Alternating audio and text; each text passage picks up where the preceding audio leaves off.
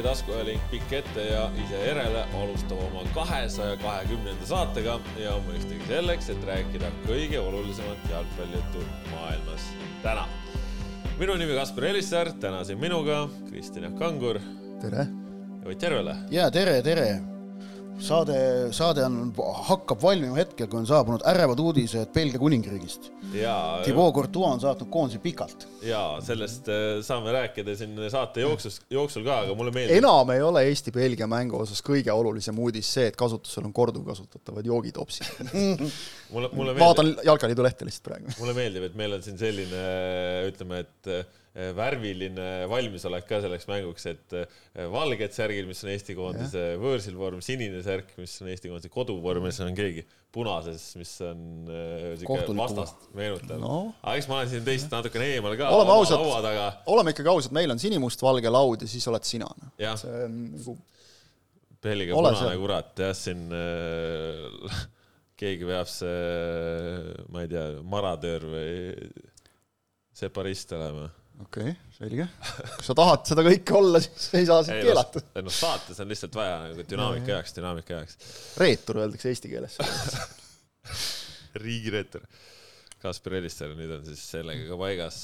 ja, ja., peaasi, et sa allkirja ei anna kuskile selle kohta, siis on kõik hästi. selle kohta vast mitte, jah ja. Läheme jalgpalli juurde või? varsti volime, aga jaa no täna räägime koondise jalgpallist, äh, räägime Eesti koondise tegemistest ja, ja et mis on tehtud ja, ja mida tehakse veel, aga noh, saate alguses on ikkagi paslik soovida õnne ka Hispaaniale. võib-olla ka siia see punane toon siis sobib, et äh, Luka Modritist ja Horvaatidest on kahju, aga Rahvuste Liiga finaalis äh, penaltiseerias Unai Simon tegi Dominik Livakovitšile ära ikkagi ja noh. no see Simoni otsustav tõrje, see oli ikka, see oli hea, ikka ülihea tõrje. aga noh, mees ütles ise, et mul oli eeltöö tehtud. pärast on vaata hea ärbelda nagu, eks ole. mulle väravahti ametiühingu liikmena ütlen, mulle eriti, kuidas ütelda, imponeeris see esimene tõrje, kus ta suutis hüppe pealt tegelikult mm -hmm. jalgade asendit korrigeerida. et, et, et see oli selline, kuidas öelda, noh, loomingulisem neist kahest mm -hmm. tõrjest ja, ja see oli, see oli väga äge. aga mõlemad olid omamoodi head jah, ütleme siis niimoodi. see nagu jah, noh, teenitud selles mõttes, et kuigi Hispaania vist tegi kakskümmend üks pealelööki ja üks läks isegi raami saja kahekümne minuti jooksul. see ei ole ka mingisugune uudis, et hispaanlastel nagu ja, ei ole normaalset ründajat, kes oleks väravad lüüa, sest nad prõmmutavad ühele poole, teisele poole ja valdavad palli, aga ega nagu jalgpalli ei mängi selle juures. Jah, ei no see nagu loogiline, et, et kui vaatad, kuidas horvaadid viimastel MM-idel on mänginud, siis see, et nad finaali jõudsid ja siis ei võitnud loomulikult, see nagu loogiline ja, ja noh, kui vaadata nagu ülejäänud kahte Final Fouri meeskonda, siis Itaalial ja, ja eriti Hollandil on praegu päris keerulised ajad, tundub, et et hollandlastel puudub äh, nagu staar, kes mängu veaks. Ja, ja noh, Kuumann, Ronald Kuumann ei ole ka nagu nüüd kõige paremat muljet jätnud seal treenerina aga noh, nagu pigem on, on ka see, et tal ei ole nagu nii head materjali ja, ja noh, Itaalial on lihtsalt praegu selline, ma ei tea, kas seda saab mingiks põlvkonnavahetuseks mm. nimetada, aga noh, ka ei ole sellised kõige, kõige paremad ajad, noh, nende puhul siis tähendab seda, et sa mängid Rahvuste Liigas kolmanda koha, et kui ei ole kõige paremad ajad. aga noh, neil on Mancini, kes, kellel on krediiti tänu EM-tiitlile nii palju, et kui nüüd jälle suurturniirile ei jõua, siis hakkavad pead lendama, aga enne ei ole probleemi no, no ja... EM-ile ikka jõuavad no,. no sinna ikka saavad, noh jah, see ei ole nagu ega selle pronksi mängu puhul kõige põnevam fakt on võib-olla see, et Kristo Tohver oli seal neljas kohtunik, et äh, selline ja. väga noh, mis, mis kaaluga lüke on siis, et kas on lootust veel midagi saama hakata või sihuke, et, et oled tubli poiss olnud ja et saad siis ka natukene, et. no eks tulevikus selgub, aga mis ma tahtsin öelda selle pronksi mängu kohta, et tegelikult seal oli ju enne selle Rahvuste Liiga finaalturniiri, kas oli Cody Kakpo vist või, või keegi hollandlastest seal torises ka, et miks meil üldse selline Rahvuste Liiga pronksi mäng toimub, et seda ei ole ju üldse vaja. no sellega on noh, see on selline olukord, kus on lihtne on viriseda ja, ja väga lihtne on leida nagu kaasanoogutavat publikut, aga, aga, aga kui nagu reaalset lahendust hakata otsima, siis see enam üleüldse niivõrd lihtne ei ole. Äh, sellepärast, et äh, koondise treenerid raudselt soovivad ära kasutada mõlemad mängud, mis neil selle akna jooksul on võimalik pidada. ja kui sa ju ei tea, kas sa võidad või kaotad poolfinaali sa ei saa panna mingit kas muud vastast või mingit muud olukorda igaks juhuks ootele selleks pronksi mänguks. see on Final Ja Four ju, eks ole, just, ja nagu- tegelikult me nägime seda, et pronksi mängus ju noh, kasutati natukene laiemat koosseisu, ehk et ongi, et finalistid mängisid finaalmängu nii-öelda noh, täiega ja, ja pronksi mäng on rohkem selline maavõistluse just, hõnguga. võtagi, kui maavõistlust, kui Kakpo ei taha mängida, siis Kakpo istub ja, Jah. mängivad teised no,. et see on selle, see on selle formaadi puhul mm. üpriski paratamatu, aga Rahvuste Liigal ju minu arust juba järgmisel Rahvuste Liiga hooajal äh, ehk siis järgmisel finaalturniiril kaks tuhat kakskümmend viis on ka veerandfinaalid.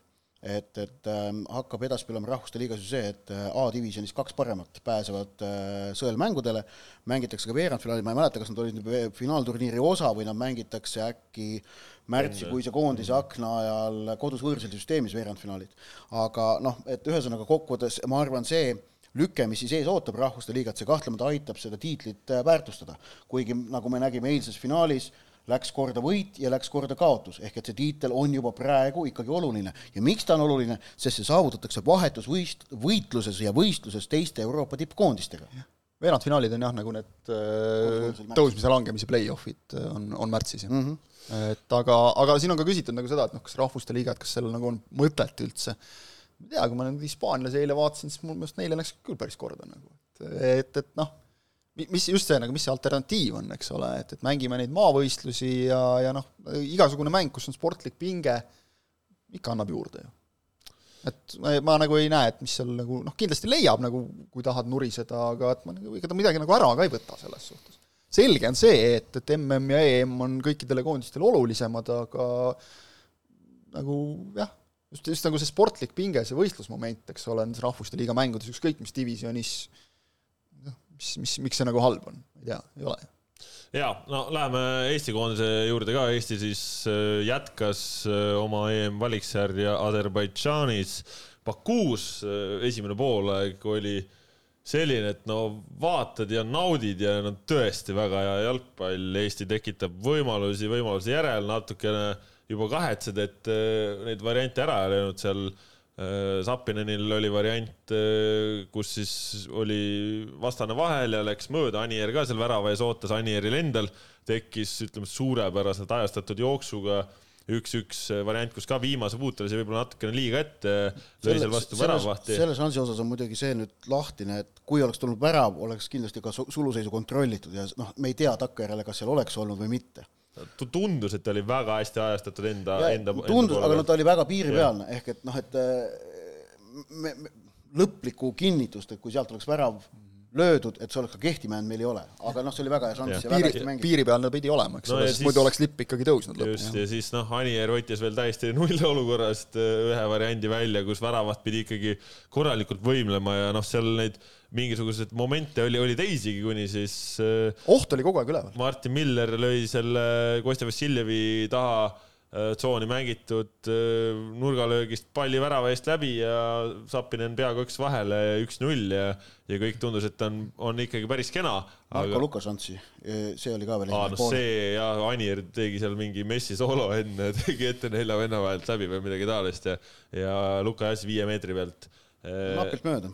lõi, lõi mööda. ja, ja noh, oli kaitsega võitluses, et Just. seda nagu ka umbes ei saa lugeda minu meelest mingiks selliseks, noh, eksis seal nagu meeletult. no ründaja läks ikka ära löönud. no ei no ründaja oleks ära löönud, aga no vahel sul satub sinna kaitse, noh, Ja, nii on. aga noh, kokkuvõttes oligi, et nagu toimus palju ja kõik oli kena ja siis tuli teine poolaeg ja ei olnud enam nagu mitte midagi, et ja, ja see oli eh, ütleme, et siit Eestist vaadates päris nagu selline eh, ahastav eh, oli see kõik, et, et kuidas nüüd nagu nii eh, kardinaalselt see kõik muutuda sai ja no ma ütleme kuidagi nagu sõnastaks selle nii, et äh, Dibiasi mängis taktikaliselt siis Häberli üle, et kui esimesel poolel oli Häberli seda teinud, ehk siis Eesti leidis väga palju ruumi mängijate vahel seal, ütleme, et olid need tsoonid, kuhu avaneti ja, ja ütleme, et siis Häberli oli teinud Dibiasile ära, siis vaheajal jõukorra, vahekorrad muutusid ja Dibiasi sai siis enda võistkonna mängima, Eesti vajus väga alla, vajus väga madalale, see kõrge press, mida äh, esimesel poolel tehes, millega reaalselt oligi Aserbaidžaan kohe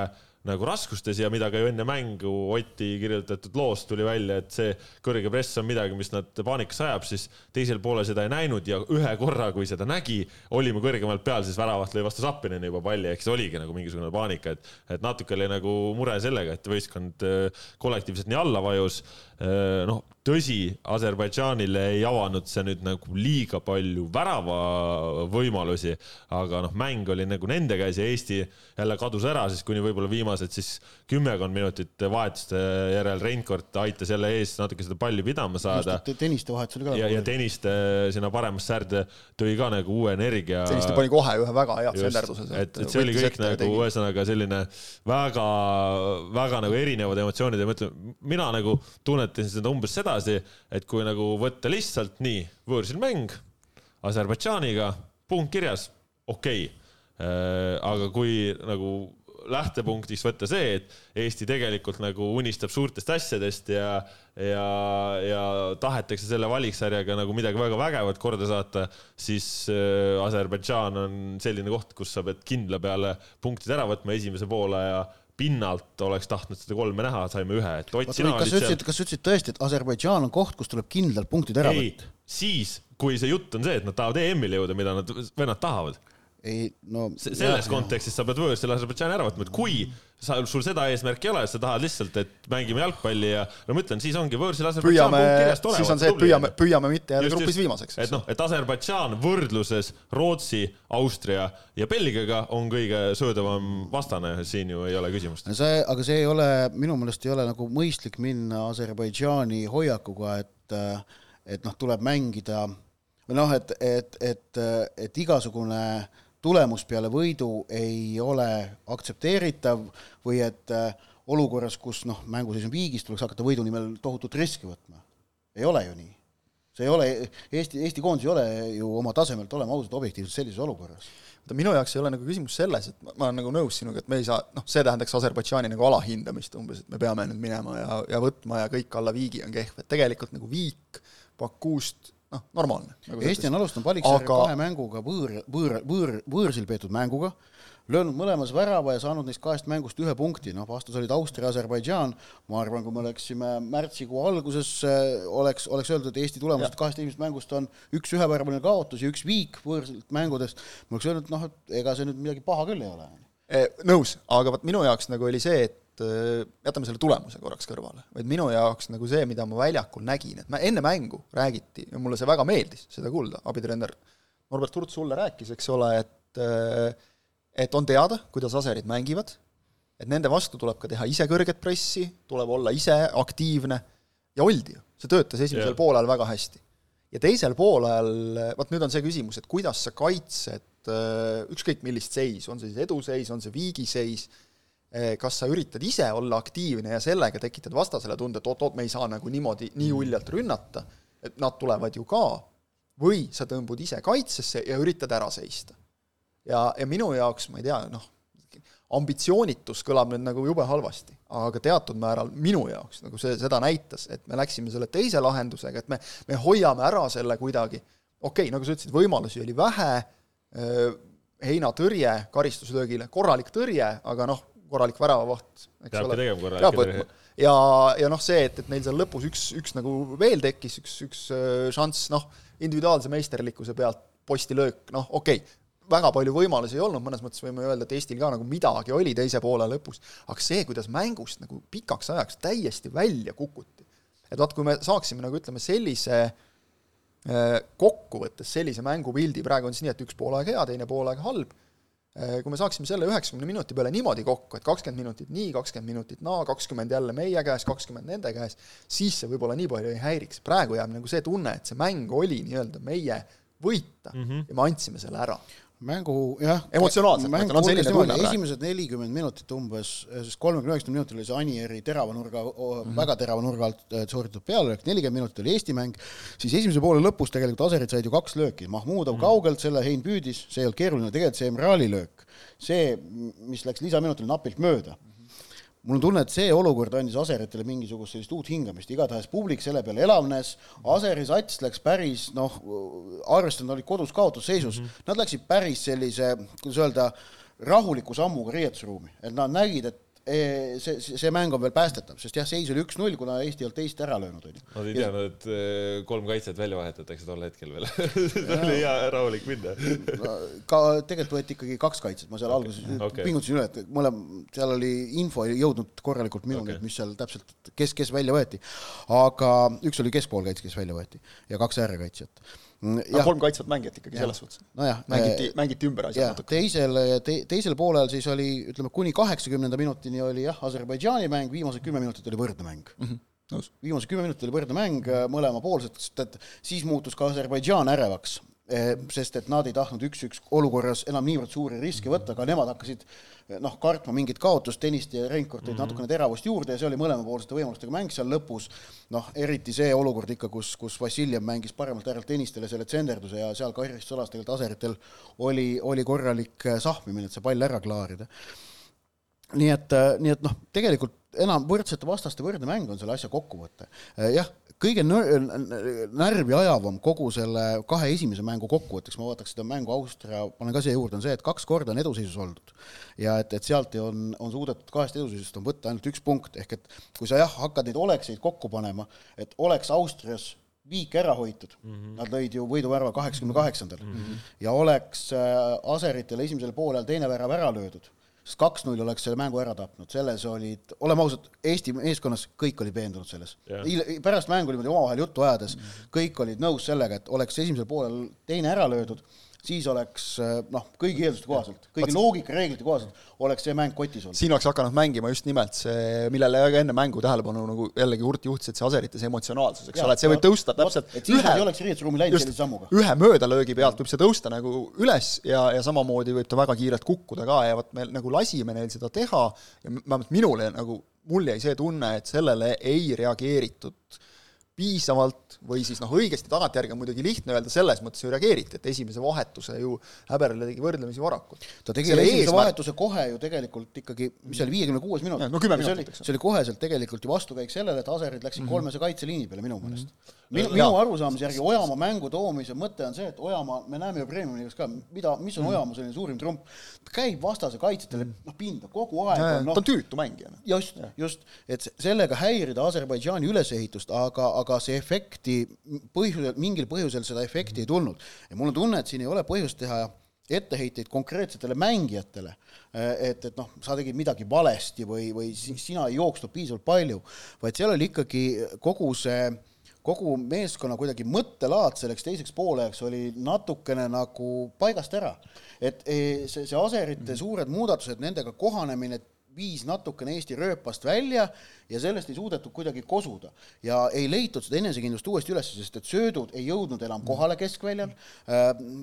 duellid äh, lõppesid äh, sage-, palju sagedamini kaotusega, ma mõtlen just eriti keskvälja duellid mm.. kaitseduellides oli olukord endiselt päris hea ja just nimelt ka see on oluline määratleda, et jah, et Aserbaidžaan sai mängu enda valdusesse ja kätte, aga ega nad värava, väga häid väravõimalusi ei tekitanud ega- ja, ja nad mängisid Eesti kaitseliini ümber küll, aga Eesti kaitsjate vahele nad oma mehi tegelikult sööduga üles ei leidnud peaaegu. ja no eks see teise poole algus, seda oli ju väljaku pealt näha ka neid küsivaid pilke sinna Häberli suunas, et, et mida ja kuidas nagu teha ja noh, Häberli üks lahendus oli siis äh, see, et, et kui seni oleme seda viis, kolm, kahte mänginud ja ees on ikkagi kaks ründajat olnud, siis see mäng läks viis-neli-ühe peale, et Ojamaa vajus sinna. see oli pärast üks-üks väravat ju., vajus sinna vasakusse äärde ja Vassiljev oli kaitsefaasis siis seal paremal poole ääres, millega noh, ütleme, et me siis nagu veel enam võtsime nagu sealt ülevalt seda keskelt seda pressingut ära, jäi nagu äärte peale, et seda neid ääri nagu tasakaalu saada, aga nagu ei saanud, sellepärast et ääred vajusid nii alla ja kui ääred olid nii all, siis ütleme, et ka meie enda ülesehituses olid ka ääred liiga all ja see tähendab, et aserid olid kõrgemal ja siis me nagu ei saanudki sealt normaalselt välja. See ongi see, et kollektiivselt nagu liiga passiivne ja siis, kui tegutsemine. nagu eh, teise poole lõpus oli näha selge korraldus, et ääred uuesti nagu meie siis äh, nii-öelda alumised ääremängijad, Sinjavski ja, ja tol hetkel veel Luka hiljem äh, Tõniste nagu kõrgemale aeti, siis hakkas ka nagu mäng jälle natukene nagu äh, sujuma, aga, aga noh, seesama Ojamaa näide oli ka tegelikult ju see, et niipea kui Eesti nagu meeskondlikult suutis rohkem rünnakule minna, kes oli pildis mm? -hmm. Ojamaa, hea läbisööt, korra üritas seal ise kaitseid üks-ühele ette võtta, eks ole, ta oli kohe nagu olemas, siis tulid tema trumbid välja.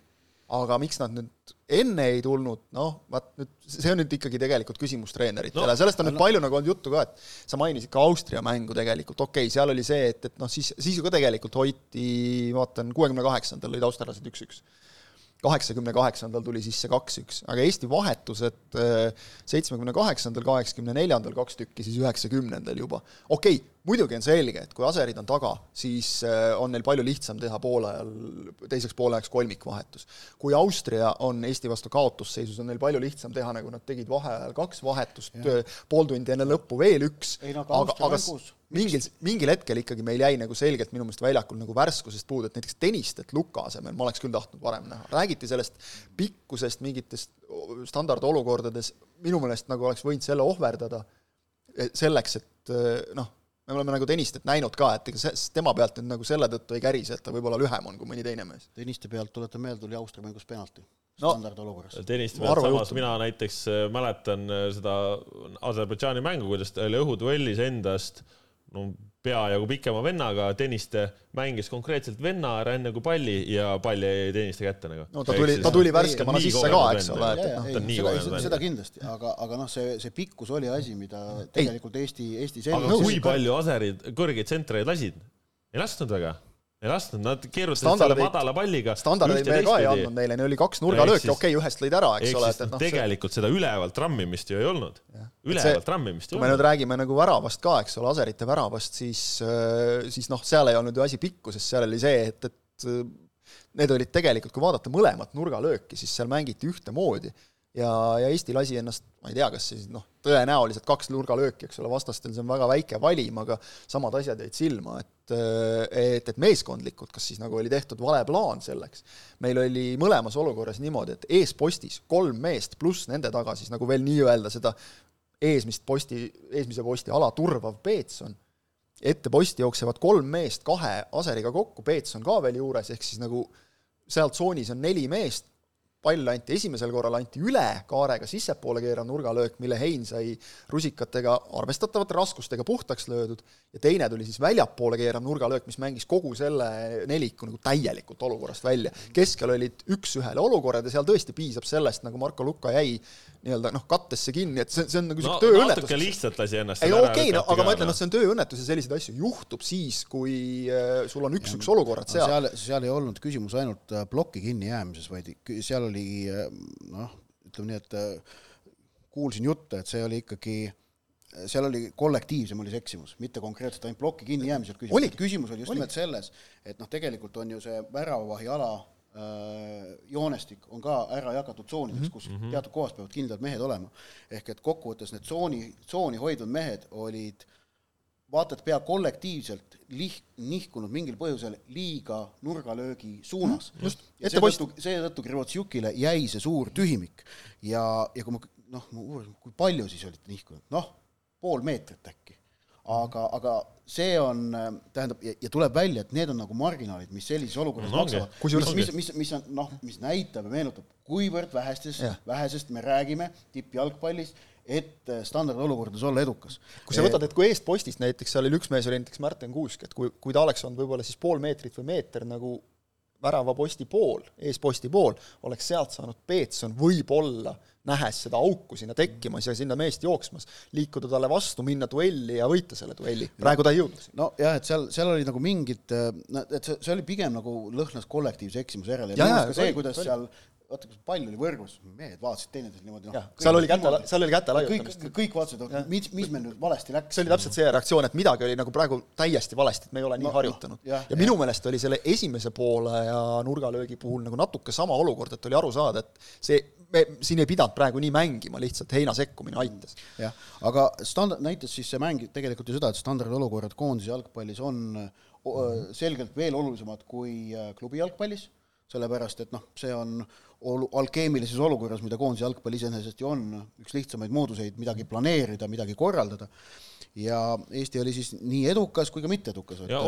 olu... meie enda värav tuli ka standardist, et siin on oluline seda, ma arvan, aus on seda meeles pidada, et, et see standardolukordade mõttes see mäng ei olnud negatiivne, ta oli null. jah -hmm., ja oluline on Sest... ka meeles seda pidada, et koondisel on standardite osas ka muutusi, et kui varem oli Andres Ooperi vastutusala, siis tema on noortekoondise peatreener ja, ja nüüd siis Michael Müller on, kes äh, standardite eest vastutab, vaatasin kohe, et oli ka prilli omale ette pannud sel puhul, et, et äh, täpsemalt seal neid asju näha, aga noh, ega tegelikult noh, ka Eesti standardite puhul, natuke nagu siit-sealt nagu ka mingi tutvusringkonnas rääkides, et eh, sihuke, et aa oh,, et Eesti, et nagu kõik tsenderdused läksid ju mingi Vassiljevil nagu lappama minu arust nagu läinud, väga sihilikult mängitud tagumisse tsooni. tead, olid jah kõrge kaarega. ja, ja ei, nad olid erinevad lahendused, mida prooviti ja ei, ei. ma ütleks, mis lappama läksid. Vassiljevil olid... läks üks standardolukord ebaõnnestus, see oli teise poole ja keskel see karistuslöök, mis oli umbes väljaku keskelt, millega ta otsis Märten Kuuske väravast vasakule poole ja mis läks üle otsejoone.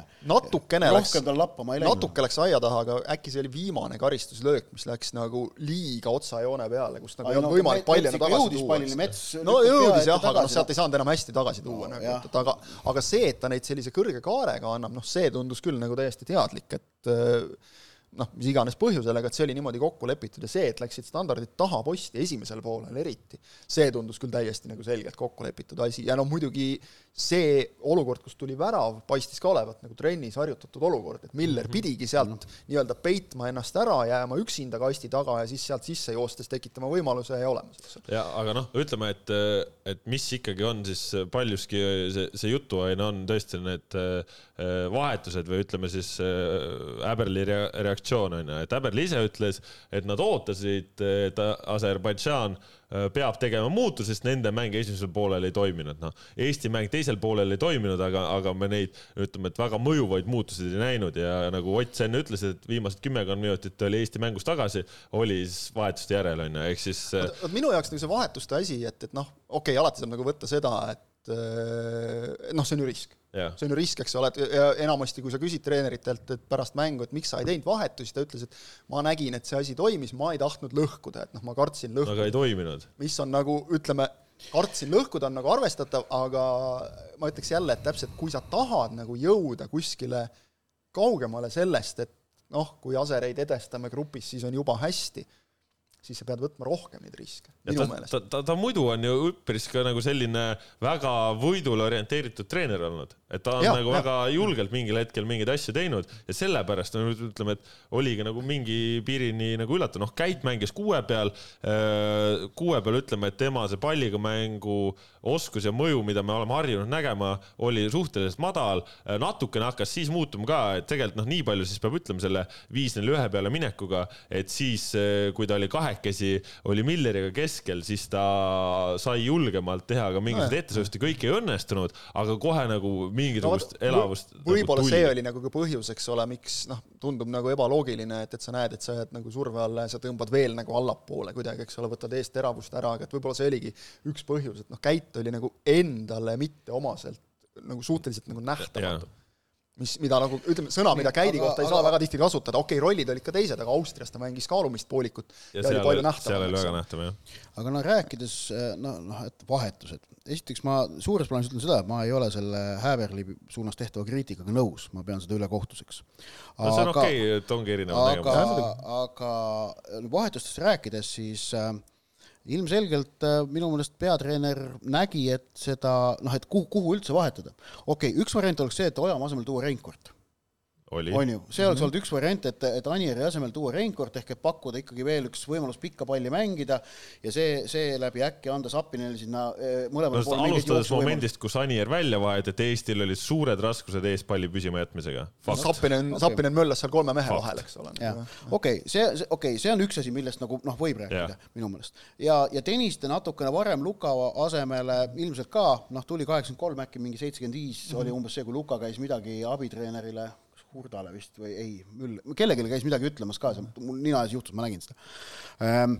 aga, aga nüüd ke, noh, keskvälja kolmik on tegelikult ju see võtmekoht, et kas seal oleks pidanud vahetusi tegema, sest ma arvan, et tegelikult see keskvälja kolmik oli see, millega oli võimalik see mäng uuesti enda kätte saada või siis ütleme noh, noh keskväli on selles, selles asjas vaata kõige olulisem. noh, kes, keskvälja puhul me ju ütleme, et teisel poolel palli valdamine kolmkümmend, seitsekümmend, mis tähendab seda, et meie keskvälja ei ohjanud, me olime seal tegelikult mängust väljas. jah, äh, nüüd keskvälja vahetustest rääkides, kas äh, noh, minu meelest Mattias Käit ja Konstantin Vassiljev on praegu mängijad, keda lihtsalt ei vahetata välja. no mina Millerit oleks vahetanud Äh, aga miks ma arvan, Millerit ei vahetatud, on siis see, et, et minu noh, minu, minu arusaamise järgi on Miller, peab olema just nimelt see liim, kes Käidi ja Vassiljevi kokku seob.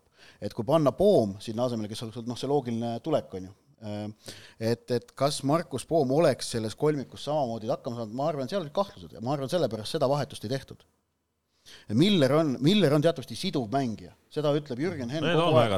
ta on, ta on, ta on, ta, ta seob kõik, ükskõik kus ta väljakul tegutseb, kas äärel, äh, ta on ju Florest vahel, vaheldusel ka äärel mänginud või, või, või on ta ründavam poolkaitse tagapool, ta seob seda mängu enda ümber kokku, leiab no, mängijaid. ta on väga julge palliga, hea tehnikaga no, just, liikuv. et, et, et see on see, miks, miks teda seal, miks tema seal keskväljal selle kolmandaks liikmeks oli, noh, ja Käit ja Vassiljev pakuvad ikkagi Eesti koondise kontekstis äh, kvaliteeti ja oskusi, mida ühelgi teisel mängijal ei ole. üks lahendus, kas ei oleks nagu poom tuua allapoole, käit lükata selleks sidujaks, kellel tegelikult ka need võimed on nagu väga olemas. jah, aga noh, nüüd on see, et, et kas, kas Poomi number kuue peal, ta ise ütles, et ta on valmis, aga noh, seal on peatreeneri nägemus, et, et üks asi, mida kuuled, nagu, mida kuuled väga palju nii Häberlilt kui Hurdalt, on see, et see võib muidugi olla natukene stamplause, aga see käib nagu väga palju läbi, mitte ainult nüüd selle mängu äh, eel ja järel, vaid äh, just põhjendades asju, et mehed näitasid trennides, et nad on seda, teist, kolmandat. ehk ilmselt ja. nagu ja. väga tugevat analüüsi tehakse selle põhjal. see on algusest peale olnud Häberli ametiaeg. ja need on Kõik... just, ja need on asjad, mida vaat nüüd meie ei näe.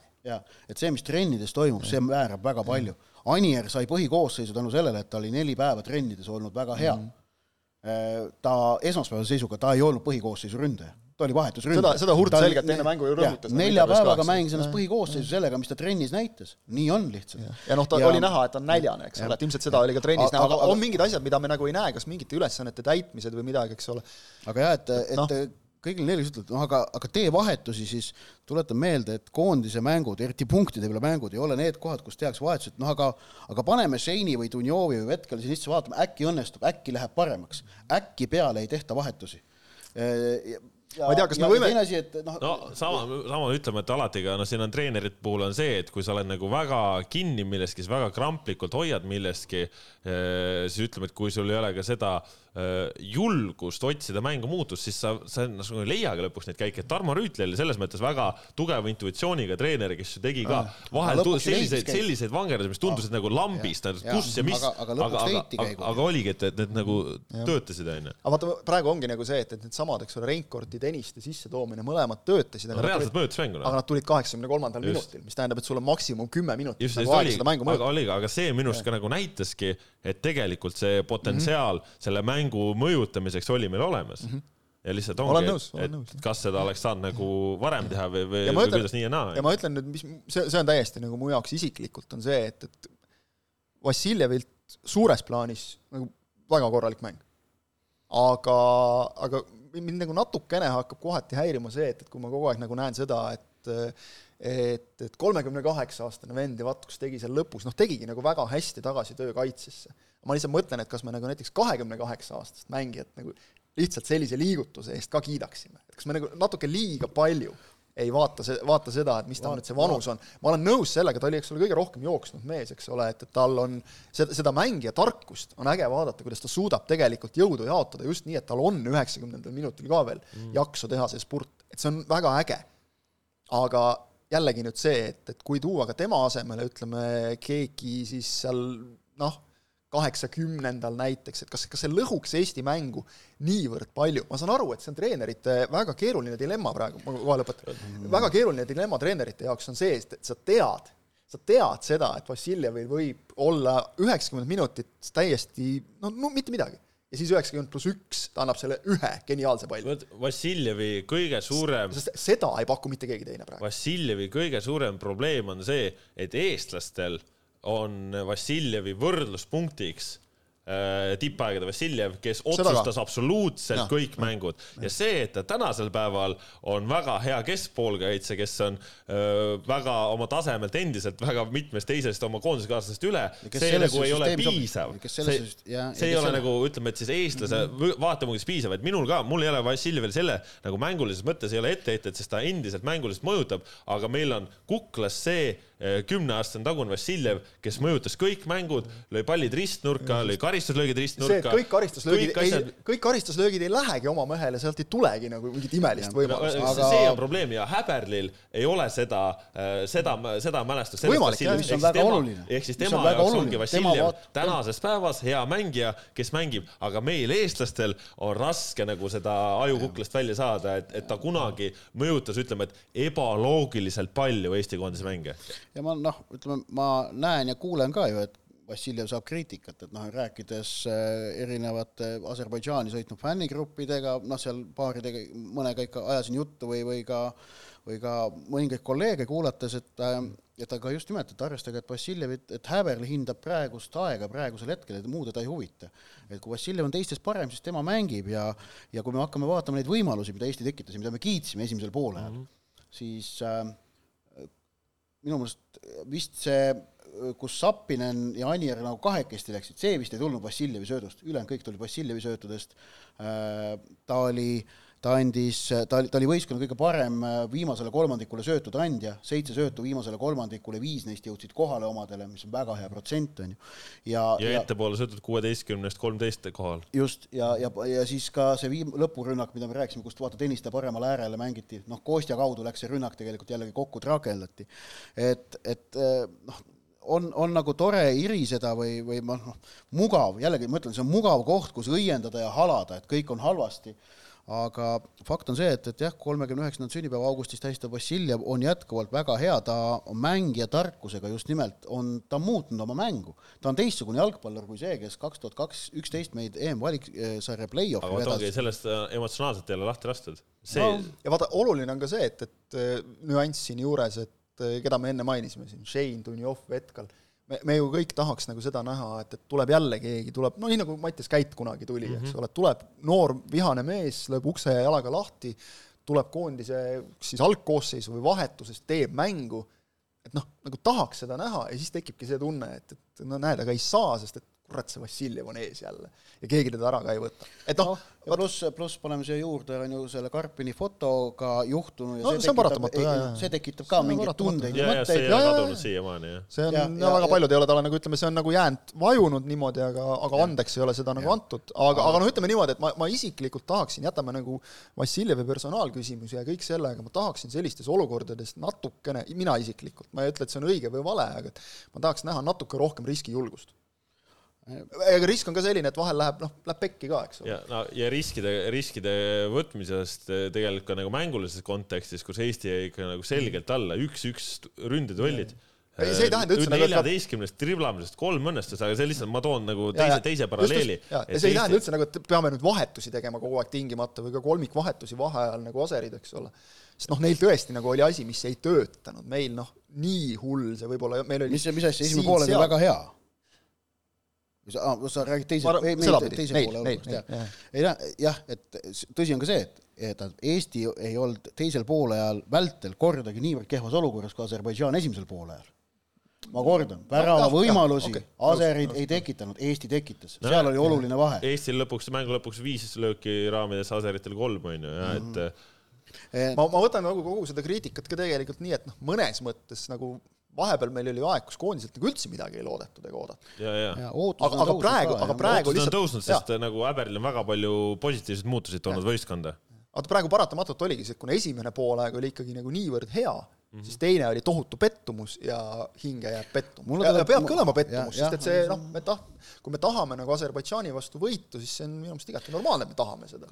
kuidas Jürgen Henn armastabki öelda, et asjad pole kunagi nii head, kui nad paistavad, aga mitte kunagi nii halvad, kui nad paistavad ja ma arvan, see on tegelikult selle Aserbaidžaani mängu kokkuvõtteks äh, täiesti asjakohane, asjakohane mõte või, või idee, sellepärast et äh, noh, võõrsilt punkt vastasega, kes ei ole jalgpalli kääbus ja Aserbaidžaan seda ei ole, on Eesti koondise jaoks ikkagi tulemus, mille üle nuriseda ei ole põhjust minu meelest. kas me, kas me võime nad panna ma ütlesin tulemus. esituse osas võib alati rääkida nii ja naa, aga tulemus ei tulemuse ei no osas tulemuse kindlasti teist mängu, teist poolega arvestades on nagu hästi, et eh, ei, ma arvan, see oli aus tulemus.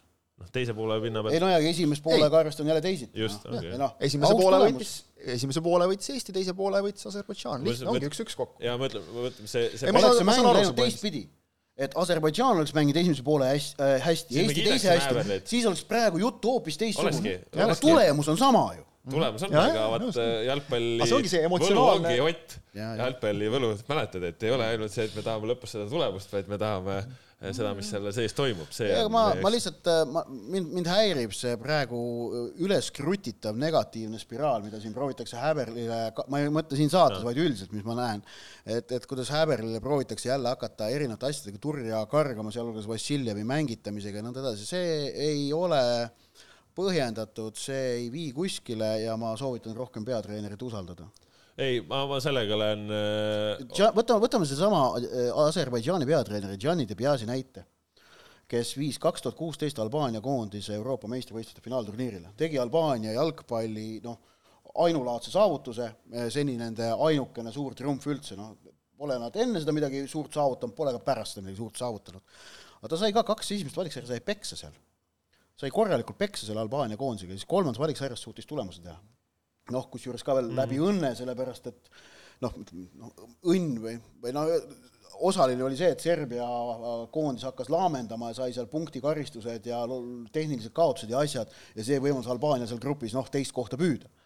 et, et eh, noh, selliste jalgpalliimede eh, sepistamiseks, mida, oleme ausad, Eesti jalgpallikoondise jaoks kuskile finaalturniirile jõudmine oleks, et noh, isegi kui meil on väga hea mängijate valik meie, meie kontekstis, siis ka siis finaalturniirile jõudmine ei saa kunagi olla oodatud tulemus. see nõuab, nõuab aega, see nõuab, nõuab sellist äh, oma aja äraootamist, ja aga noh, ütleme Äberli puhul ma võib-olla tooksingi välja, et kui ta seni oma Eesti koondise äh, peatreeneri töö jooksul on põhimõtteliselt äh, olnud ikkagi nagu erakordselt edukas tulemuste mõttes, mängu mõttes, see positiivsed muutused, mis ta toonud on, siis minu arust see äh, teine poolega oligi esimene kord, kus Äberli mängiti taktikaliselt teisel poolel üle ja nagu selliseid, siukseid asju tuleb ette ja see on pigem võib-olla erakordne, et alles praegu oli nüüd see esimene kord, kus see nagu nii tugevalt juhtus. juhtub jah, eks ole, jah, et kui on ka neid mänge olnud, kus tema on vastase treeneri üle mänginud. just, ei no seda on nii, seda on väga palju juhtunud, seda on väga palju, ka esimesel poolel, esimesel poolel ju Äberli mängis Dibiasi noh, totaalselt üle. ma nagu enda see ma nagu enda jaoks mõtlesin see, et ma ei taha nagu üldse rahul olla selle tulemusega, et nagu pettumus jäi hinge ja siis hakkasin nagu mõtlema, et aga noh, väga hea. Kui ma oleks nagu rahul praegu sellega, siis oleks nagu jama ju, et siis järelikult nagu teie tase ongi see, et noh, hea, et saime punktiga Mhm. tulema, on ju, et, et noh, see, see nagu ei, ei no et ütlesin, see, kuidas, kuidas neid asju nagu võtta ja vaadata. jah, ma, ma kordangi siin oma seda kõige alguse esimest mõtet. lihtsalt ütleme, et öö, et öö, sirge pinna pealt võõrsil Aserbaidžaaniga viik, väga okei okay.. aga kui see pind on see, et me tahame EM-ile jõuda ja siis, siis jääb nagu see kibemaik jääb, Jah. et pagan noh, et Ja- siit oleks pidanud. aga nüüd noh, rääkides on ju tahtnud. EM-ile jõudmisest, siis noh, alagrupi kaudu sinna jõudmine ikkagi sellest, sellest grupist on noh, niikuinii ikkagi aga vot oleks nelja, oleks oleks praegu neli, oleks neli punkti, No Courtois homme ei mängi. isegi kui oleks kolm punkti praegu, no. tead juba, mis kolme punktiga oleks, kolme punktiga oleks ka juba väga hästi meil. jaa, oleks neli punkti, Austrial oleks kaks punkti vähem siis. Courtois homme ei mängi, jah, siis saaks hakata mõtlema, aga noh, tegelikult reaalselt võttes ei, ei ole ju kunagi, kohe kui see alagrupp selgus, oli minu meelest ju selge, et siit nagu esimese kahe hulka jõudmine noh, sa pead edestama mitte ühte suurte, vaid kahte suurte. just, ja sellepärast ongi vaja ja, Aserbaidžaanilt saada ja kolm punkti. ei, ei, aga sa ütled, vaata noh, et, et te, noh, see alagrupi loos tingis äh, ja seoses D-divisjoni võitmisega Eesti mm. -hmm. suutis ju teada, teada, et noh, et märtsis võib-olla tuleb võimalus mm. Mhm. -hmm. tegelikult on seis praegu see, et selle valikgrupi kaudu muidugi tuleb püüda tu- esitusi, tulemusi, meeskonda parandada no-, aga see nõnda öelda tipp, mida tuleb püüda, noh, reaalselt võttes, kui me niimoodi pragmaatiliselt võttes, tuleb rihtida, et see tipp oleks käes järgmise aasta märtsis No sest äkki siis on variant. aga no tõsi, see, kas variant on, selgub novembris, kas me saame sinna play-off'i või mitte. noh, see on selline väikese jalgpalliriigi saatus säärastele asjadele loota, umbes nii nagu Albaania pidi lootma sellele, et, et serblased lähevad märatsema hakkavad ja, ja mängud katkestatakse. ja nagu Meenutame- me lootsime kunagi Sloveeniade peale. ja just, et oota, meenutame seda tegelikult, mis meile selles valikgrupis edu tõi, oli ju see, et äh, konkurentid võitsid üksteiselt. Et me ju tegelikult selles, toona selles alagrupis kaotasime fääridele. kaotasime fääridele, ehk tegelikult me põrusime. ehk siis tegelikult praegu oligi kõige õigem koht, kuhu punkte kaotada, sest Aserid ei ole meie otsesed konkurendid äh, ülevalt punktide võtmisele, et meil tuleb Belgia ära võita just, just, just, just, just. Austria ja Rootsi et need on nagu need omad vastased, jah. Aga no kui me- kui me praegu nagu vaatame gruppe, siis näiteks äh, noh, soomlastel ju ma ütleks, et loosiga vedas, seal on praegu kõikidel, neil on kuuene grupp, eks ole, kolm mängu kõikidel mängitud. kommenteerisin leedukate mängu, nende alagrupp on ka siuke, et Eesti oleks seal sammu ees no saanud. eks, aga et noh, soomlastel, kui sa nagu vaatad, kus sa saad nagu Taani, noh, mängitavam kui mõni teine kindlasti, Kasahstan, Sloveenia, Põhja-Iirimaa ehk praegu, ja praegu ongi siis nii, et neli esimest on kõik kuue punkti peal kolme vooru järel, eks ole, et vaat, kui sa sellisesse gruppi satud, siis seal on võimalus, kui sul kaks esimest panevad kohe eest minema, noh korras, kõik tehtud. Soomel oli ju reedel olnud, oli olümpiastaadionil täismaja, kui nad Sloveeniat kaks-null võitsid ja täna õhtul mängivad Helsingis San Marinoga. lugesin, et põhimõtteliselt ka see on välja müüdud peaaegu. San Marino mäng on välja müüdud. jalgpalliriik, noh. Ei no see, mis, vaadake videosid, mis toimus äh, seal Pohjois-Kaare tribüüni peal, ebareaalne. ka, ka edu kannab. teeb kadedaks, teeb edu kannab, ega kui me play-off'i jõudsime pärast seda, meil ka edu tükk aega kandis, eks ole, et, et noh, lihtsalt nii ongi, et see on, see on normaalne täiesti.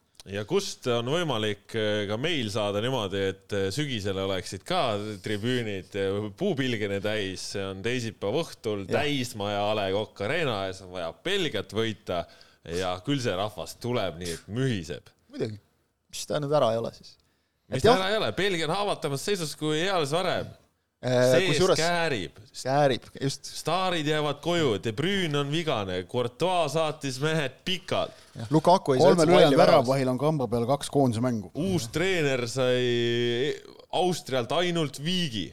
noh, see lugu on juba ennast valmis kirjutanud, siin on vaja ainult, et kes tahab peaosaliseks see, saada. uus, see, see uus treener ainult märtsis võitis võõrsil esmalt Rootsit valikmängus kolm-null ja siis ka Saksamaad kolm-kaks, et no Saksa, vaata kui ei loe Saksamaa. Saksamaad ainult Saksamaa on kolm-kaks. kehv jah, see on tõsi jah. Saksamaad ainult kolm-kaks, läbi häda. üheksandaks minutiks oli seis kaks-null Belgia kasuks. noh, ja, ja mängisid peaaegu maha selle. ei no jah, et äh, belglastel on põnev selles suhtes, et kui me siin täna niimoodi enne või noh, lõuna ajal salvestame, et siis õhtune pressikas tuleb äh, tuline, ma arvan, sest et Belgiaga käib üldiselt äh, väga palju ajakirjanikke kaasas. Belgia, Belgia on ikkagi selline jaa, Belgia Nagu koondis on selline noh, ta on selline nagu e- e- MM-il Belgia ajakirjanikud ütlesid mulle ka, et kurat, meil on ikka paras tsirkus see, mis meil siin koondise ümber toimub. juba No on, toona ei noh, mõtlesin kogu see asiotaaž, mis käib Belgia meeskonna ümber tänu nende viimase kü- kümne-kaheteist aasta sellisele noh, tõusule, et, et, et seal Belgia ajakirjanik ise ütles ka, et noh, meil on seda draamat ikka nagu ebanormaalselt palju, et Aga- noh, täitsa pekkis, mis asjadest tõmmatakse eh, mingeid narratiive ülesse. et noh, see nä- näitab seda vaata, et noh, et kuna Belgias no nüüd on, nüüd on mitmed staarid on ju koondisest loobunud mm, -hmm. aga veel, veel MM-il olid nad olemas. See staaride kooshoidmine, see on, see on tohutult keeruline ja noh, lõpuks Roberto Martinesel kasvas see üle pea, jah. ja ta, tal tekkis nagu see vist, et, et see nii-öelda see kuldne põlvkond, et, et noh, nemad on meid nii kaugele toonud, nüüd nad nagu väärivad seda, et vormistame selle asja ära ja sama asi nagu natuke raske lahti lasta ja siis läks kõik täiesti nagu käest. aga, aga no mis, mis Belgia puhul, mis seda värki toobki, väike riik, väga maailmatasemel jalgpallurid ja seal ongi koondise jalgpall on nagu väga kõrges hinnas, et Jah, eks sellepärast sellepärast on. Ja no ütleme tõesti, et võib-olla siis kuulajale ka, kes, kes mõtleb, et, et noh, kes on siis need vanad head belglased, staarid, keda enam ei ole, onju. Eden Hazard lõpetas äh, karjääri koondise rindel, Tobi Alderweireld lõpetas karjääri, Simon Mignolet lõpetas karjääri koondise rindel. noh, Jason Denayer, tema vahet pole, onju, Aksel Vitsel Jan Vertonghen on veel alles. ja, ja noh, kes, kes veel lisaks näiteks, kes veel mängivad jalgpalli ja keda lihtsalt praegu ka ei ole, Torgan Hazard, Dries Mertens on ju, praegusest äh, tervisega vist probleemide tõttu Leandro Trossard jääb eemale, Jannik Carrasco on alles, Charles de öelda. Ketaleer jääb eemale ja, ja Toomas Meunier äh, jääb ka eemale, ehk no siis mõned nimed on, eks. ehk siis see on see nagu koorekiht, kes on väga nagu ära olnud, aga noh, ütleme, et nüüd jääb ka Thibaut Courtois ja just tahtsin öelda, eemale. et jätsid lõppu nagu selle kõige tähtsama. jah, noh jah, Courtois, Courtois siis äh, põhimõtteliselt solvus vist selle peale, et kaptenipael anti selles Austria mängus De Bruyne puudumisel mitte talle, vaid Lukakule. ja läks ära kõige lihtsam. Nad belglased pidid vist esmaspäeva, ei, eile siis pidid vist kogunema mm. -hmm. ja ta lihtsalt ei ilmunud kohale praegu nagu see, sel hetkel, kui me siin salvestame, on info, info see, et ma olen Belgias saanud, et jaa, et et ta, ta lihtsalt ei tulnud nagu. jah, et olla veel Tedesco peatreener, olla temaga veel mingeid jutte on söönud, üritanud veenda, et kuule, et noh, ole nüüd ikka mees ja tule, ei, et oli saatnud kukele, öelnud, oli olnud ka, et, et tegelikult mul on väikene vigastus, et ei taha, et ma ütleksin ja noh, noh, Drama Queen oli, oli, oli siis väljend, mida mul ja Big Ego oli teine väljend, mida mul Belgia kolleegid kasutasid praegu selles olukorras tema kohta, ma neid nimelist ei hakka ütlema, kellega tegu on. Pole vaja. Aga noh, sellest hoolimata ikkagi Belgiat äh, on siin ikkagi kohal ka, onju. Romelu Lukaku sada seitse mängu, seitsekümmend kolm väravat koondises. no kuule, mees, kes ei saa meistrite liiga finaalis palli väravasse, no ta jääb ette sellele veel, vabandust, noh no., see, mis asja, mis me räägime. Michi Batshuayi, kes on ka siuke, et arvake, mis tahate, aga viiskümmend koondise mängu, kakskümmend seitse väravat on ju ja, ja sünged näitajad tegelikult. Janik Karasko on kohal, Juri Tiilemans on kohal, Leander Dendoker on kohal, noh, Jan Vertongenist rääkisime, Timoti Kastanje äh, et seda vaatame, kõik on, aga, aga põnev on siis jah, et ja. vaata, vaatame nagu kaitses, kaitses ka, eks ole, et noh, Kastanje, Vertongen nagu kogenumad mehed nagu mängude poolest näiteks, aga siis äh, äh sul on seal siis nagu võtta Wout Faes, Lesteri mees, jah? Wolfsburgi ja Lester, no okei okay,, Faes on, lööb väravaid Liverpooli eest peamiselt, aga see selleks. et, et kui sa nagu vaatad ka neid vendi, kellel nagu neid koondise mänge väga ei ole, siis noh, siis nagu ega nad siis nagu kehvad vennad ei ole, eks ole, et, et jah see..., aga, aga nüüd tuleb aga nüüd tuleb, oota, ongi, aga seal ikkagi aga. selle tippkvaliteedil ja mm -hmm. tipp-tippkvaliteedil on ikkagi ka koondise jalgpallis oluline vahe sees. Ja seda muuseas ka, ka Häberl ju tegelikult ütles siin mm, üle-eelmisel aastal, kui olid need äh, lõpus need mängud, seal olidki Belgiaga võõrsil. Mm, -hmm. oli see üks-kolm kaotusmäng, et seal nentis ka, et et aga noh, ja siis tuleb De Bruyne oma kvaliteediga ja vot see on midagi sellist, mis on midagi muud või noh. no siis tuleb sul seda ei ole, siis tuleb sul seda ei ole ja, ja see on Eesti ja. jaoks väga-väga suur võimalus. siis tuleb sul Lukaku, nii nagu ta tuli siin eelmine kord Tallinnas, eks ole, lükkab Joonas Tamme lihtsalt ära ja kõik no.. või võtame ka aastataguse Argentiina mängu, kus tegelikult ülejäänud Argentiina meeskonnaga null-null. ei, mitte null-null, aga tegelikult e, e, ega ülejäänud Argentiina meeskonna vastu Eesti mängijatel noh, sai mängida, sai mängida, aga no Messi vastu ei olnud mitte mingit varianti mängida. seal võisid ka mitmekesi mängida, ikka ta mängis üle kõik, eks ole, et jah, et noh, see ongi nüüd see, et kui sul on Lukaku, no see on lihtsalt see, et, et füüsiliselt selle venna vastu ongi ülikeeruline. pigem pead sa kahe, kahe kaitsega võtma teda või kahe mängi. Karol Metsal tuleb tihe tööpäev. kui aga... sa val-, aga täpselt, kui sa valvad, eks ole, Lukakut, eh, sa pead valvama De Bruynet, sa pead valvama seal veel mingit kolme-nelja venda, no ei jõua lihtsalt, keegi ikka ära teeb. ja lõpuks on sellised mehed nagu kunagi äh, see legendaarne Hollandi võit, mis meil käest ära võeti, eks ole, et, et kui seal nagu noh, kõik teadsid, et Robben võtab vasaku peale ja lööb, noh. kõik teadsid, Krulov teadis ka, mis sest kasu oli, mitte midagi, noh. ta lihtsalt mm. võtab ja lööb, eks ole, De Bruyne on samasugune vend, kõik teavad, kuhu, kuidas, mida, noh. lihtsalt teeb. ja kui see ei tule välja ja teine ja kolmas ei tule välja, siis teeb neljanda või seitsmenda asja, eks ole, Lukaku puhul kõik teavad, mida ta tahab teha, ta ikka teeb. aga kui sa nagu pead mõnda sellist meest va-, valvama ja ülejäänud on just sellised, võib mängida, no siis on mingigi lootus. jah, ja no ütleme, et selles olukorras siis, kus äh, Belgia on tegelikult ju ütleme, no haavatav, see nagu päris tõsiselt nad on haavatavad, sest nendel on e olulised lülid puudu. haavatavad mitte sellepärast, et Courtois on puudu vaid sellepärast, kuidas ta on puudu. ma julgeksin öelda, et see praegu ma siia ka juurde see, et De Bruyne on vigane ja, ja, okay, ja, ja okay. kõik siuksed asjad juurde. kõik see kokku, eks ole, ja ikkagi see, et, et neil on äh, noh, nagu mingisugune suur pettumus, eks see Austria mäng nüüd mm -hmm. võib mhm. ka olla nii, et ühelt poolt ta võib tekitada neis nagu sportlikku viha, äratab üles täpselt, eks ole, samamoodi see Courtois asi võib äratada no, nagu mingit no, ei huvita no,, ikka mängime, on ju. natukene aga jahutan vaimustust ja ütlen, et samas tuleb nentida, et äh, Belgia mängijad on kindlasti paremini valmis ja kohanenud kahe tippmängu pidamiseks nelja päeva jooksul, mida see praegune olukord nõuab, kui Eesti mängijad, kes lisaks pidid Aserbaidžaanist, noh, see oli kurnav tagasireis, see kestis äh, kümme tundi kõik kokku.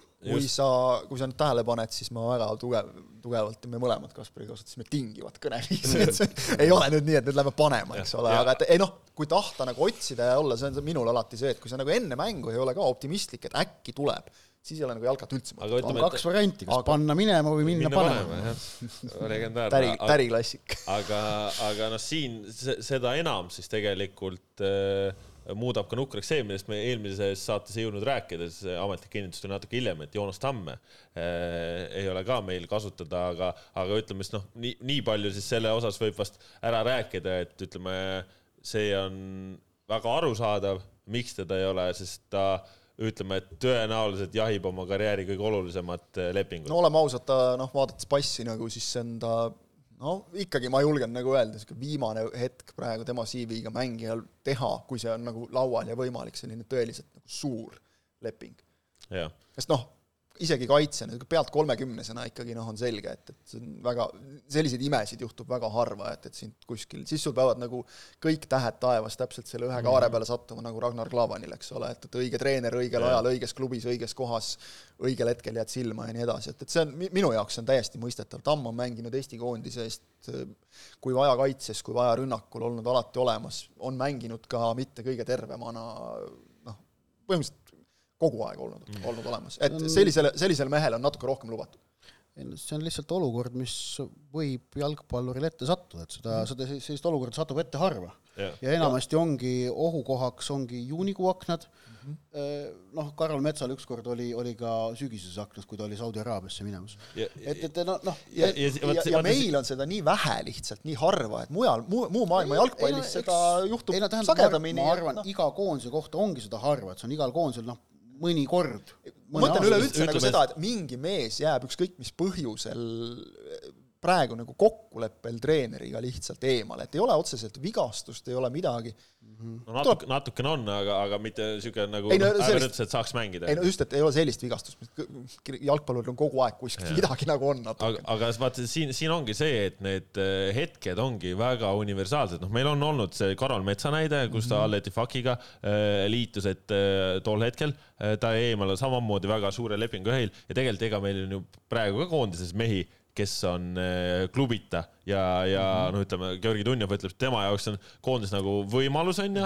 me oleme, me oleme sellega harjunud pigem, eks ole Henri. Anier eh, on ka, võtab seda nagu post, aga, aga see ongi, see Tamme olukord on lihtsalt väga teistsugune, sellepärast et tal on all erakordselt hea individuaalne hooaeg ja ta jahib, ütleme, et nagu see, see kaliiber kus tema toimetab Eesti aasta parima meesjalgpallurina, on lihtsalt suurem, et me oleme siin Rumeenia meediast saanud lugeda, kuidas Rumeenia tippklubid on ta allkirja jahtinud, aga, aga ega kuluaaridesse on ju, on ju kuulda ka, et ega need teisedki eh, võimalikud sihtkond, need ei ole mingisugused nagu noh No ta tahab- ta. tahab teha ikkagi Rumeeniast praegu sammu edasi, et ta oleks saanud seal tulla palgas natukene vastu kellelegi ja jätkata Rumeenias, kui ta oleks tahtnud, eks ole, aga ilmselt tal on nagu laual suuremad pakkumised ja praegu on see võimalus. Praegu on see hetk selle pealt, sa oled mänginud eurosarja, eks ole, noh, kõik see, me ei ole lihtsalt harjunud sellega, et mõnel mehel on Eestis nagu selline klubikarjäär, et tal ei ole vaja ennast koondises näidata. meil on pigem olnud sedapidi, et koondise mängud, täpselt nagu Anieril või Dunjovil on võimalus nagu näidata, noh, isegi Mattias Käidil on olnud see, eks, et koondise mäng on sul šanss nagu näidata ja siis saada näiteks leping Rumeeniasse, sa oled paratamatult suuremas pildis kui kuskil väiksemas liigas ja, ja noh, meil on ju varasemast on ka seda, et kas noh, klubi jalgpall on lõpuks see, mis jalgpallurile toob leiva lauale, et Joel Lindpere ei mänginud ka koondises äh, mõnda aega, kui ta Ameerikas oli, onju, et jah, nii on lihtsalt.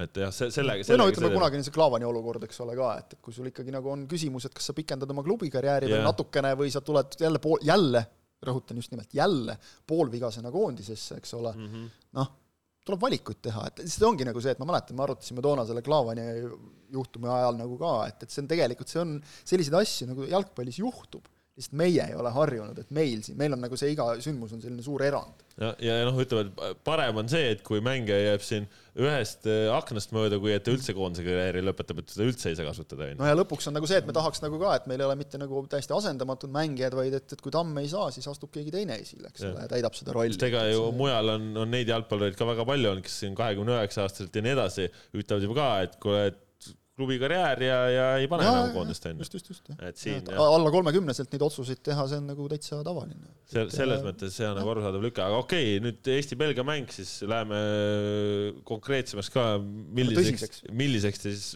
võimalusi hindate? Ott, noh, pragmaatikuna pean nentima, et väikesteks. protsendid, protsendid. ei oska protsente. sina ei oska protsenti. see on ootamatu. noh, ma arvan, et tõenäoliselt Eesti seda mängu ei kaota, on kuskil kolmkümmend viis protsenti. oh, päris kõrge isegi. see on päris kõrge protsent. äkki, äkki praegu noh, kolmkümmend, kolmkümmend viis, midagi sinna. aga, aga noh, ei no väga, väga keeruline mäng, väga raske mäng, aga äh, jällegi nädala kõik erinevad kokkupuuted, mis kuskil siin koondises lastega oli, siis noh, kõik on tohutult elevilt, tohutult põnevilt, tohutult ootavad seda mängu. Üle pika aja saab Eesti kodus mängida, viimane kodumäng oli ju see Balti turniiri mäng Leeduga eelmine novembris. Jah, ja millal viimati mõne suurega kodus sai mängida, see millal viimati sai täismaja ees kodus see oli, mängida? see oli oktoober kaks tuhat kakskümmend üks, aga siis oli ka mingi, siis oli ju veel siis olid piirangud veel. piirangud või, olid või, vist ka, meil ei ole, aga ole olnud väga kaua Ja. nagu, mis me Ja. täismajast räägime, meil ei ole nagu niimoodi, et selline täismaja tunne võiks tekkida. Seda ei ole ikka kaua olnud. Häberil, kui Häberil ütleb ka nagu, et, et minu ametiajal esimene, siis mõtled, et kaua sa olnud oled juba nagu, et aga tõesti, esimene, jah, nii et kõik, kogu meeskond on väga-väga elevil ja see on, see on alati oluline ja, ja hea märk, et jah, viimane Ja- ja, ja- tugeva ja- vastasega kodumäng oli oktoober kaks tuhat kakskümmend üks Walesiga, mis, mis oli hea tunde pealt, see oli, siis oli ka hea tunne ja, Jah. ja oli äge feeling, sest oli vaata kolm päeva varem oli Valgevenet võidetud, noh, nii-öelda töö oli tehtud, nüüd oli võimalik Walesi vastu boonust hankida, okei okay,, null-üks kaotati, aga tegelikult oli hea mäng. ma, ma isiklikult natukene kui nagu pelgan seda, mida sa mainisid, see, et, et kui palju see, see mäng võib olla nagu meestel veel jalgades, sest noh, ma, ma ei näe, et meil tuleks algkoosseisus väga suuri muudatusi. ei näe. Tõniste, ma arvan, tuleb sisse. Tõniste oleks kõige loogilisem, noh, keskkaitses ma ei, ei pruugi Seal on- seal on ainuke- ma arvan, tegi päris hea mängu no Peets on ju duelle võitis ja statistiliselt kõige rohkem äh, no, keskkaitses on variant vahetada Peetson Baranovi vastu. jah, aga ma muud ma just mõtlen, et palju see nagu annab. Sinjavski on ennast mänginud Häberli jaoks selgeks põhikoosseisu mängijaks Jah. selle mänguga Austrias Mhm. ja no tegelikult ega ta oli, ta oli Aserbaidžaanis ka, Ta oli Aser- mängib kindlalt koha välja. ta oli ja on Bakuus, ta oli Bakuus, ma ütleks, esimesed paarkümmend minutit äh, nagu väga terav, väga hea ja pärastpoole pidi rohkem tegelema kaitsetööga. vähegi võimalik, alustatakse, ma arvan, ka sama ründepaariga. tahaks Ja- tahaks kindlasti. oleks loogiline, ei, jah. ma, noh, seal vaadatakse meeste, ma arvan, seisundit, on ju, kas mm, -hmm. kas nagu, kas see võimaldab ja, ja keskväljal, noh, võib-olla on siis Poomil äh, Po- Poom kellegi asemel, aga ma arvan ka pigem mitte. ma ei usu, jah. jah, ma ka ei usu jah, sedasama, et, et et küll, küll noh, võib nagu eeldada, et äkki siis tulevad need palju, kauaoodatud vahetused nagu No selles samas- mõttes kiiremini, et kas nüüd mõnel mehel on siin kaks korda üheksakümmend, noh nagu Äberli puhul on üks asi, mis ta kipub Nice. tegema, ta teeb siukseid asju, mida mitte keegi ei oota. et oli Sellega see Luka oli ka. Marko Luka Luka algkoosseisust ka tegelikult ja minu meelest Luka, Luka nagu see algkoosseis, ega ju, see ju tegelikult oli, takkajärele vaadates oli hea otsus, mängis koha välja. minu meelest igati korralikult. ütleme niimoodi, et otsusena jutu, värava olukorra ma ütlen no,, see, see, see oli kollektiivne. pluss see, et, et oleks, oleks nagu oleks ees ära löönud, siis me oleksime väga ära siis ma oleks väga, aga lõpu, vaat see on ka hea näide see, et, et noh, siis oleks supermäng kohe. et tegelikult noh, üks olukord mm, -hmm. mis oli kakskümmend senti palsi või sinnapoole. lõpus mul oli nagu selles mõttes tast natukene kahju, et selgelt ta oli juba läbi aga ta oleks, seal, oleks nagu olnud võib-olla treeneri pingilt nagu no, selles mõttes rohkem abi lihtsalt, et, et okei okay,, me nagu võtame su nüüd ära, et me ei No, jäta sind raskesse aga- olukorda. aga jällegi aga- see esimene poolaeg, mis mängiti hästi, ka Luka mängis seda esimest poolega hästi ja panustas ise oma äh, parema ääre kaudu liikumistega ülespoole selles, et Eesti ründemäng sai toimida. Aga noh, no ütleme ma, ma noh, lihtsalt, et ütleme, ega see, et ta läbi oli, see selles mõttes loogiline, et kui me vaatame Aserbaidžaani rünnakuid, seitse korda läksid oma paremalt, eks meie vasakult äärelt, kakskümmend üks korda No- oma vasakult ehk meie luka äärelt. kui sa nagu võt- paned ennast aserite asemele kolm korda rohkem, sul Ei, üldse kogu aeg on paned- fookus on pane selle ääre peal. pane ei, ennast aga see ei aserite ole, see ei asemele ole tingitud Lukast, vaid see on tingitud. Aserbaidžaani mängust. ma ma mõtlengi, ma pane ennast- pane ennast see, et aserite asemele. kogu aeg surve all, mis tähendab, et see Seidajevi kaudu, just Seidajevi kaudu ja teine on see, et pane ennast aserite asemele, kui sa nagu vaatad, et aa, näe, Eestil on siin nagu Luka ja Peetson, et need vennad ei ole nagu tavalised vennad, et ikka surume sinna nagu. see ei ole ka sellest, vaid Aserbaidžaani meeskonna kohta koostatud raport ütleb, et nad ründavadki läbi vasaku ääre noh, seda enam, siis sest noh, Jah, kaudu tullakse. et ei, aga noh, mäng tuleb väga keeruline, aga tuleb väga vahva jalgpalliõhtu, nii et tulge kell, kui veel piletid on saada, siis äh, tulge homme A Le Coq Arena'le. tegelikult seal vist, vist on seis umbes see, et, et kui nagu noh, peaaegu kõik on välja müüdud, siis peaks vist olema veel üks sektor siin sellel fännide, vabandust, vastasfännide all oleva osa, et sealt vist kõik ei ole veel müügi pandud, siis Jalgaliidul seda vist esialgu hoiti minu teada nagu tagasi, aga võib-olla tuleb sealt ka midagi juurde ja noh, seal täitsa üleval katuse all siis need ähm, natukene piiratud nähtavuse kohad, kus sa oled posti taga, et mm. need on, need on ka mingil hetkel võib-olla tulemas, aga noh. mõni on natuke, mõni on rohkem piiratud mm.. jaa, aga no ütleme, tegelikult ka siin peitub väga suur äh, võimalik eduvõti, ehk siis kui mm. see kodupublik saada äh, nagu nii-öelda katlana tööle Eesti kasuks see võib emotsionaalselt nagu väga-väga palju no, see on jälle see sünergia, eks ole, et kui sa nagu väljakul just. piisavalt head mängu näitad, siis küll see publik kaasa tuleb, eks ole. ja samas, kui on raske hetk, siis peab publik toetama jälle, et see on oluline. Aga noh, ma arvan, et nagu meil siin ikka vahepeal oli selliseid aegu ka, kus me ei saanud nagu sellise ilusa suvise ilmaga nagu ühtegi sellist suurt mängu mängida. Et isegi kui nad olid mm. -hmm. kuskilt sügisel jälle, eks ole, no kui sa ikka nagu talvejopes mängule tuled, siis noh, ei, ei tõmba nagu eestlast käima mm, eks ole. Praegu suvel ma arvan, et see võiks nagu olla ja noh, ongi nagu põhiline on see, kaks et... aastat tagasi Belgiaga sügisel septembris oli kuus tuhat seitsesada pealtvaatajat no.. Täna siin... saame ikka mingi kolmteist tuhat kätte vist. kaks tuhat kakskümmend üks algus olid veel vist koroonapiiranguga mängud, see Läti-Balti turniiri mäng ja noh. ja, ja seal oli, see oli kindlasti. jah, kaks tuhat kakskümmend oli kõik koroona on ju, kaks tuhat üheksateist tuleb tagasi minna, mis seal meil oli?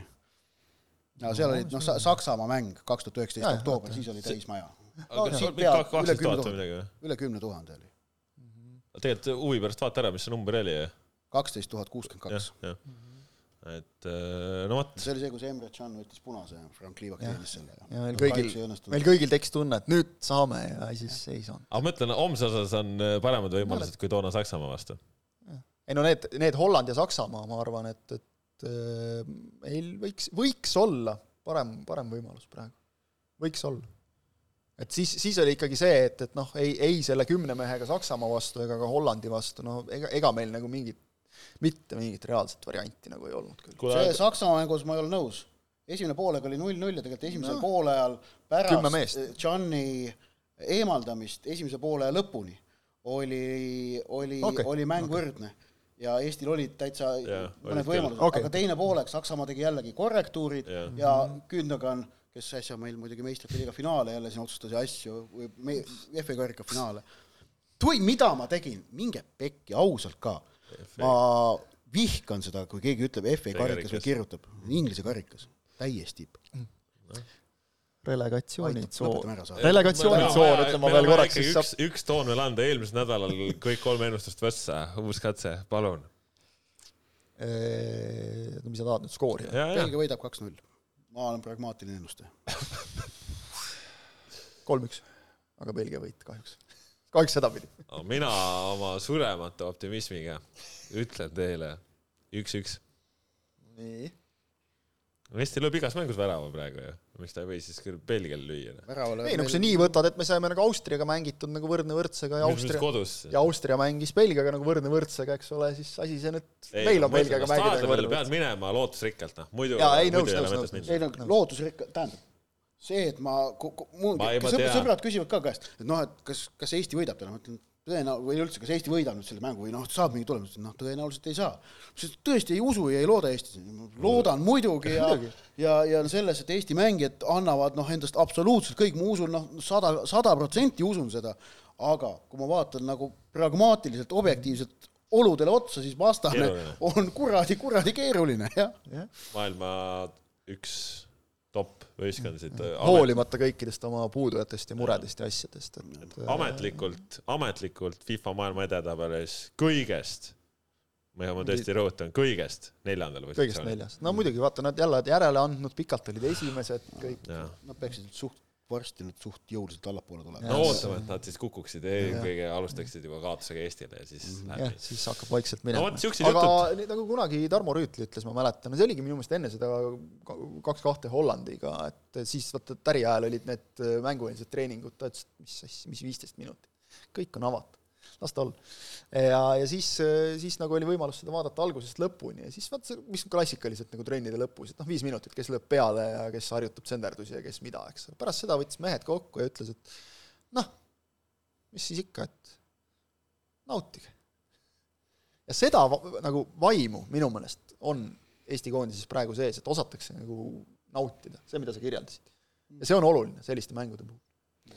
jaa, teisipäeval äh, enne veel, kui hakkame koondist vaatama, selguvad ka Eesti klubide eurosarja vastased äh, esimestes ringides nii meistrite liigas kui konverentsiliigas, nii et äh, tasub homme sellel pilku peal hoida ja pöidlad pihus hoida ja siis õhtul juba staadionile tulla ja, ja loota veel midagi ilusat. loodame rohkelt San Marinot. No heas mõttes siis, heas mõttes. No.. no vot, selline kahesaja kahekümnes saade, aitäh, et meid kuulasite, vaatasite, saate teid Jaan Kaspar Elissaar, Kristjan Kangur, Ott Järvela. Uute juttudeni uuel nädalal, adjöö